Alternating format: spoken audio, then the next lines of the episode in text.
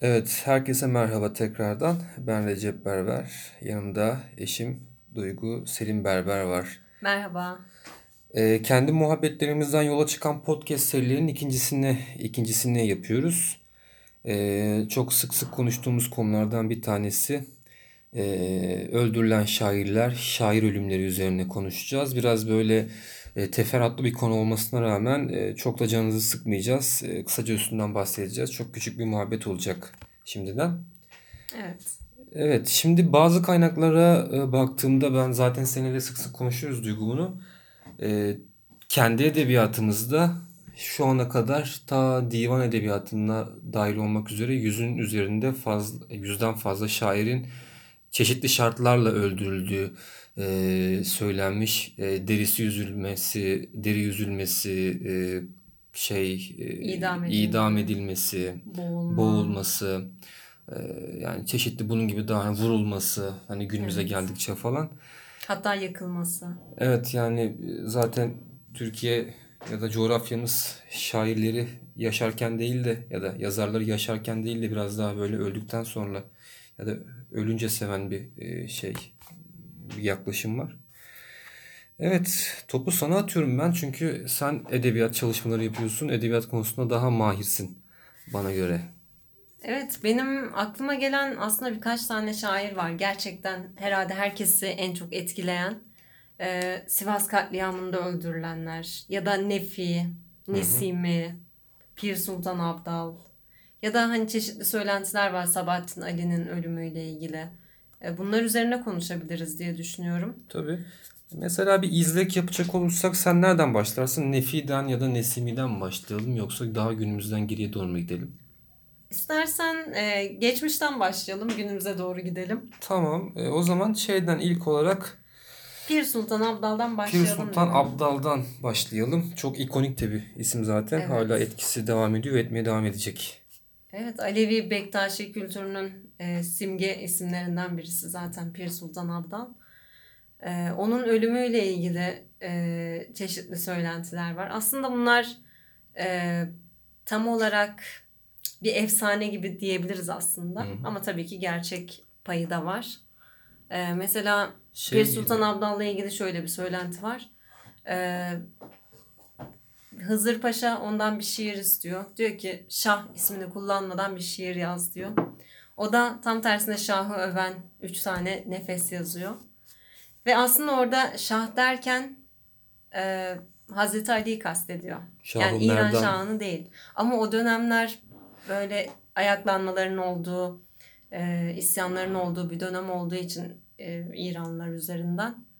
O dönemlerde hakikaten şey Anadolu'nun o Karışık iki gücün arasındaki çekişmeden kaynaklı olarak birçok şairin ve yazarın canı yanmıştır. Ee, ya ben şeyi merak ediyorum bu e, Hızır Paşa dediğimiz insan da zaten e, Pir Sultan Abdal'ın bir müridi değil midir zamanında? Evet, evet bir de öyle bir Enderun'a gidip de ondan sonra eğitim alıp tekrar o bölgeye atanmış bir vali değil midir? Evet. O gerçek değil mi? Yani öyle söylentiler var tabii ki. Tabii bunların hepsi bir yandan masal aslına bakarsan. Yani Çünkü o yüzden yıllardan hani efsanevi bir boyutu var. Çok eski olduğu için ve o dönemde de bunları e, tam net bir şekilde, doğru bir şekilde yazacak tabii ki cesaret olmadığı için birçok şey de aslında yarım kalıyor diyebiliriz. Bir Sultan Abdal'ın da ölümü bu şekilde. Ondan sonra Hızır Paşa e, yani Şah'ı övdüğünü düşünerek onun idam edilmesine sebebiyet veriyor. Ama tabii ki aslında onun Hazreti Ali'yi övdüğü de Yani bilinen bir aslında evet bir ya- gerçek, yakıştırılan yani çok gerçek. kadim bir kültürde zaten içinden geldiği bir kültürde tabii ki yani e, Osmanlı vilayetinde yaşarken Safevi Şah'ını övecek değil. Yani biraz da o da kastiyete kurban giden bir cinayet ya da hani Evet. katil söz konusu. Evet daha sonra şeye gidiyoruz. Nesimi'den bahsedelim. Yine inançlardan devam ederken farklı inançlar aslında. Yani e, mesela Sünniliğin çok e, yaygın olduğu bir coğrafyada. Hı hı. Pir Sultan Abdal'ın ölümü de aslında biraz bununla alakalı diye düşünüyorum ben. E, Alevi olduğu için. Nesimi de hurufilikten kaynaklı bir e, ölümü oluyor aslında. idamı oluyor çok korkunç bir şekilde. Bu hurufilik harflerin gizemine inanan bir e, yol Evet, evet. Yani her şeyi aslında 28 veya 32 harfle açıklayan bir e, inanç sistemi. E, şöyle inanıyorlar. Allah sözleri e, bu harflerle söylemiştir Kur'an-ı Kerim'de. Hı hı. Ve Hazreti Muhammed bu harflerle konuşmuştur. E, o zaman her şeyi bu harflerle açıklamamız lazım. Ve Adem yaratıldığında bu harflerle yaratılmıştır diye bir inanç var. Biraz daha böyle metinsel böyle daha Evet. kripto bir Evet. şey. İnanç. Ezoterik desek herhalde daha evet, iyi olur. daha doğru olur. İşte Nesimi de bu inanca kapılıyor ve aslında birçok kişiyi de bu anlamda etkiliyor. Ondan sonra Halep'te e, 1400'lü yıllarda derisi yüzülerek idam ediliyor. Hatta e, ona inananlara, ona inanan devlet görevlilerine falan da bir parçası yollanıyor. Yani çok korkunç bir şekilde. O, o vardır Anadolu geleneklerinde hatta hani böyle parçası İstanbul'da bir Evet. paşa adı aklıma gelmiyor ama Daha hani çok kellesini yolluyorlar değil mi? şey kellesinden daha ziyade daha da korkunç olaylar var. İstanbul'da derisi yüzülerek ve parçalanarak e, bir tane paşa idam ediliyor ve ondan sonra e, halk bu paşanın daha, daha, doğrusu, daha doğrusu onu idam eden kişiler şey diyorlar daha da acı çeksin diye işte bu paşanın e, işte uzuvları e, şifalıdır diye sonra halk parçalamaya başlıyor. Öyle şeyler değil çok acayip katil yöntemleri falan da şeyler. vardır yani şeyde Anadolu'da. Nesimi'nin de başına böyle bir şey geliyor aslında. Ee, yani günlerce yaklaşık bir hafta falan e, cesedinin çürümesi bekleniyor halka. Gösteriliyor aslında ibret olsun diye. Ve ondan sonra e, şöyle de bir söylenti var. Onun e, günler haftalar sonra o derisini giyerek, o yüzülen derisini giyerek Halep'in ye- yedi kapısından birinden tekrar e, çıkarak uzaklaştığı söyleniyor. Öyle de tabii ki bir efsane var Nesimi ile ilgili. Halep yedi kapılı mıymış ya? E, öyle. Bana şey gibi yani e, tep şey şiiri vardır ya işte hani yedi, yedi kapılı tep şi- şehrini kimler inşa etti dersiniz. E, kitaplarda hep kralların adı yazıyor. Oysa krallar mıdır taşıyan koca koca tuğlaları blokları falan diye. Evet. Adı aklıma gelmedi şimdi kim. Yedinin aslında gizemli bir e, yanı var inançlarda. Bizim inanç inanç sistemimizde de var. Yani Türklerin de inanç sistemlerinde böyle mistik bir e, şeyi var. Yeri var Şey aslında. mi? yedinin. Paganik Türk toplumlarından İslamiyet'e Tabii. geçen bir şey mi bu? Aynen. Onlar ama bilmiyorum Arapların da e, kendi pagan kültürlerinde var mıdır eski Çünkü pagan şey diye ama İslam Türklerde var Orta Asya'dan gelen. 7 sayısı İslamiyet'in birçok yerinde var. Hatta hani gök kubbenin de 7 katlı olduğu Arş-ı Evet. Falan filan diye söylenir. Ama ba- bana şık kalırsa şeydir o yani İslam'la paganik Türk kültürünün karşılaşmasından Evet. sonra Türk şey İslam'ı biraz biz Etkileme. etkileme olayı gibi İnancı geliyor. etkileme aslında. Bak yalnız bu şu ana kadar iki tane konuştuğumuz şair de eee, şöyle özellikleri var. Eee, yani şiiri kullanarak veyahut da hani kendi eee, dünyalarını kullanarak insanları etkileyen eee, kişilerdi. Pir Sultan Abdal da, Nesimi de. Hatta Nesimi için şöyle söyleniyor. E, hurufilikten sonra daha lirik, daha güzel şiirler yazdığı söyleniyor. Yani öyle de e, bir özelliği var Nesimi'nin. Çünkü şey çok kapalı bir anlam dünyasına giriyor. Ezoterizmin içine giriyor ve sadece eee, yani kelimelere fazlasıyla anlam yüklüyor ve harflerle oynamaya başlıyor. İster istemez belli kalıplar ortadan kalkıyor. Evet. Yani bu e, bazı Ve daha etkileyici olmaya başlıyor. Evet yani siz yani bir kelimeye farklı anlamlar yüklerseniz kelimelerle oynamaya başladığınızda çok daha farklı kelimeler ortaya çıkartabilirsiniz. Veyahut hani onlar üzerine çok fazla metin, alt metin okuması yapabilirsiniz. Evet. Kelimelerle oynamak demişken Nefi'ye gelelim istiyorum.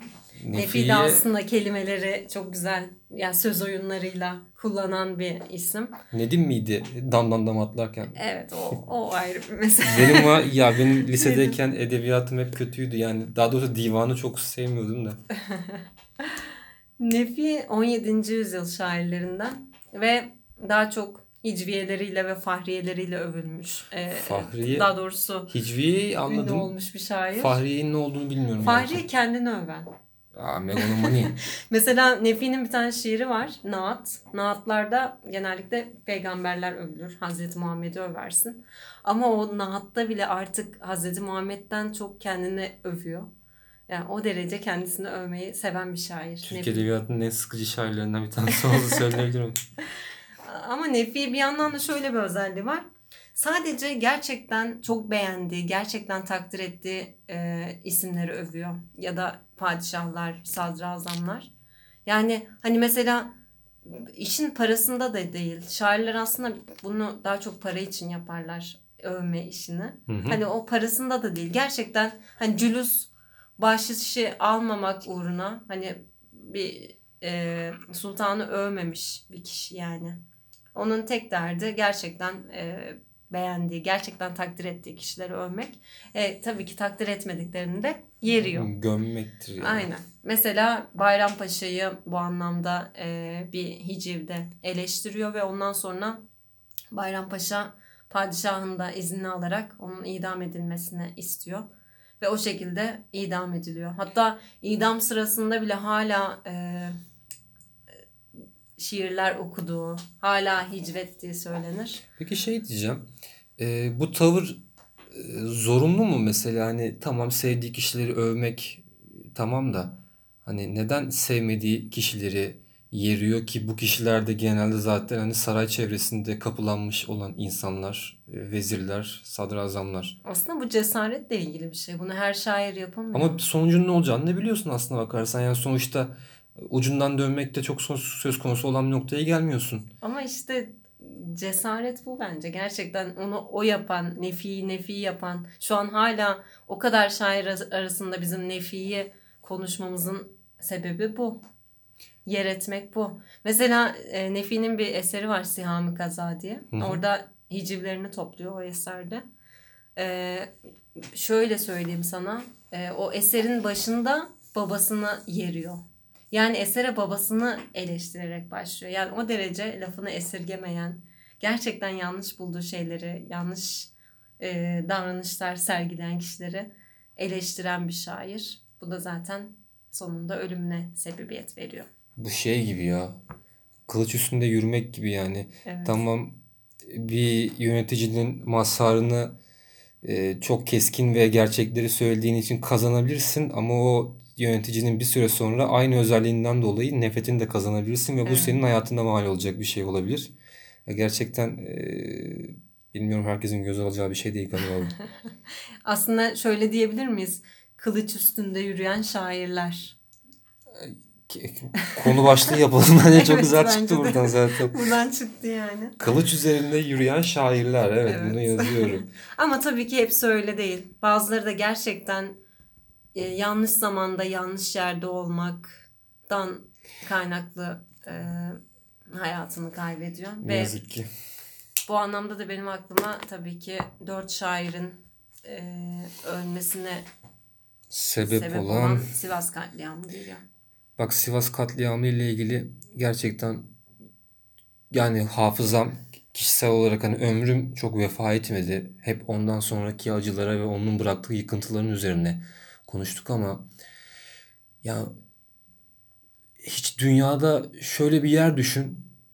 Bir otel bir şehrin ortasında ve Türkiye'nin kazanmış olduğu bütün düşünce insanları, yazarlar, En şairler, karikatüristler, dünya üzerinden, dünyanın diğer tarafından gelmiş aktivistler, e, akademisyenler falan bulunuyor ve adamların tek derdi kadim Anadolu geleneklerinin, az önce bahsettiğimiz şairlerin e, o dünyasından kopan şiirleri okuyup birbirlerini anmak, türküler söylemek, birbirleriyle paylaşmak bu deyişleri Evet. ve birden bir galeyan oluyor ve onlarca insan, onlarca o güzel insan aramızdan koparılıyor ve bu sonra bir hukuk garabetine dönüştürülüyor ve yıllar sonra bu ülkenin başbakanı hadi geçmiş olsun Sivas zaman aşımına uğradı diyor. Evet, maalesef. Bak kimler aklıma gelen şairleri sayayım ben sana. Daha birçok kişi var ama Nesim İçimen, Metin Altıok, Behçet Aysan, Uğur Kaynar.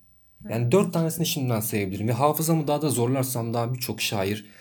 Adını belki de bilmediğimiz ama gerçekten kendi dostlarının bildiği bu insanlarla bağlantılı daha birçok şair vardır yani. Evet, maalesef. Hatta U- Uğur Kaynar'ın e, daha sonra e, Şeyi- yangından sonra çantasından bir şiir çıkıyor. Ha, hatır, ha, evet evet hatırladım.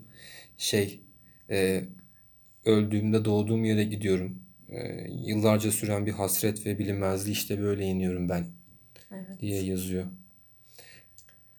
Gerçekten çok.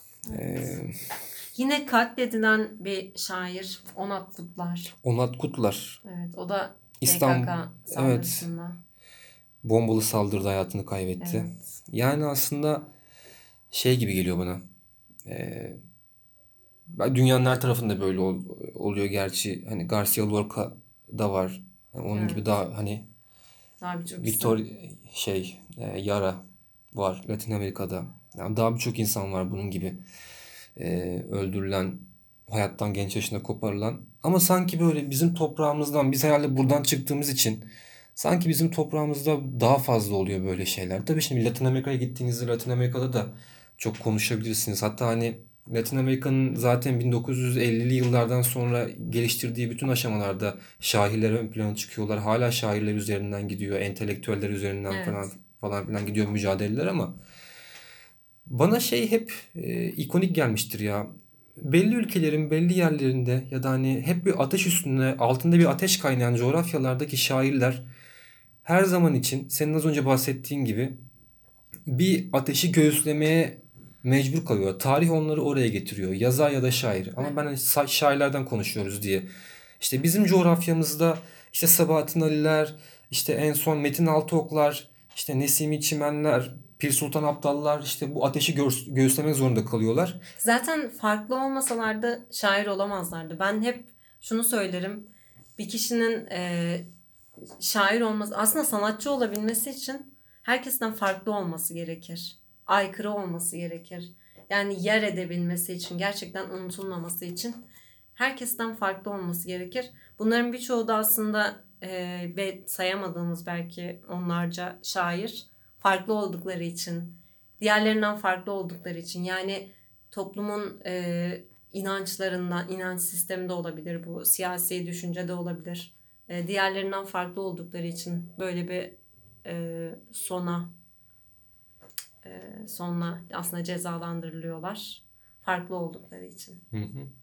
Ya ben işte aklıma en basit örnek o dönemde işte e, Cumhuriyetçilere karşı işte Cumhuriyetçilerle Franco güçler arasında yapılan İspanya İç Savaşı'nda hayatını kaybeden ve ancak 1975 yılında hayatını kaybetti ve hatta gerçeklerin yavaş yavaş döküldüğü e, Federico Garcia Lorca geliyor. Lorca Endülüslüydü ve Endülüslü olmasından dolayı kendiyle gurur duyan bir şeydi. Ee, bir şairdi. Komünist Partiliydi. Daha doğrusu hani komünist yani sosyalizan da diyebiliriz ona. Ama faşist faşist bir yönetim vardı. Faşist bir yönetimin o partizanları faşist bir yönetimin e, faşistleri tarafından öldürüldü ve e, İspanya Savaşı kazan, kaybedildikten sonra ilerici güçler tarafından Garcia Lorca'nın 1975 yılına kadar adı dahi anılmadı İspanya'da. Kitapları, şiirleri bastırılmadı, ortadan kaldırıldı. Sanki öyle birisi yaşamamış gibi davranıldı. Ancak Franco'nun işte 1975 ya da 76 yılında ölümünden sonra yavaş yavaş Konuşulmaya. konuşulmaya başlandı. Böyle bir adam vardı, öldürüldü, ne oldu falan diye. Hala bazı şeyler hala nedeni tam olarak bilinmiyor. Tıpkı Victor Yara'nın ölümü gibi. Tıp, Ya da tıpkı Sabahattin Ali. Ha tıpkı e, Se- e, Sebahattin Ali'nin Sabahattin ölümü Ali'nin de gibi. ölümüyle ilgili e, birçok söylenti var. Evet. İşte Bulgaristan'a kaçarken bir MIT ajan tarafından mı öldürüldü yoksa bir çeteci tarafından mı Ee, öldürüldü? aynen yoksa çatışmada mı öldü yoksa kaçtı mı gerçekten bir sürü söylenti var ama e, tabii ki bu da onun aslında yine aykırı şairlerden biri olmasından kaynaklı. Evet ve şu an gerçekten adını andığımız bu insanlar ve daha anamadığımız birçok insan var. Evet. eee, kapatmak ister misin? E, hepsinin e, ruhu şad olsun diyelim. Evet ve siz de bize vakit ayırdığınız için teşekkür ederiz. Başka bir program kaydında, podcast kaydında görüşmek üzere. Kendinize iyi bakın. İyi günler. İyi günler.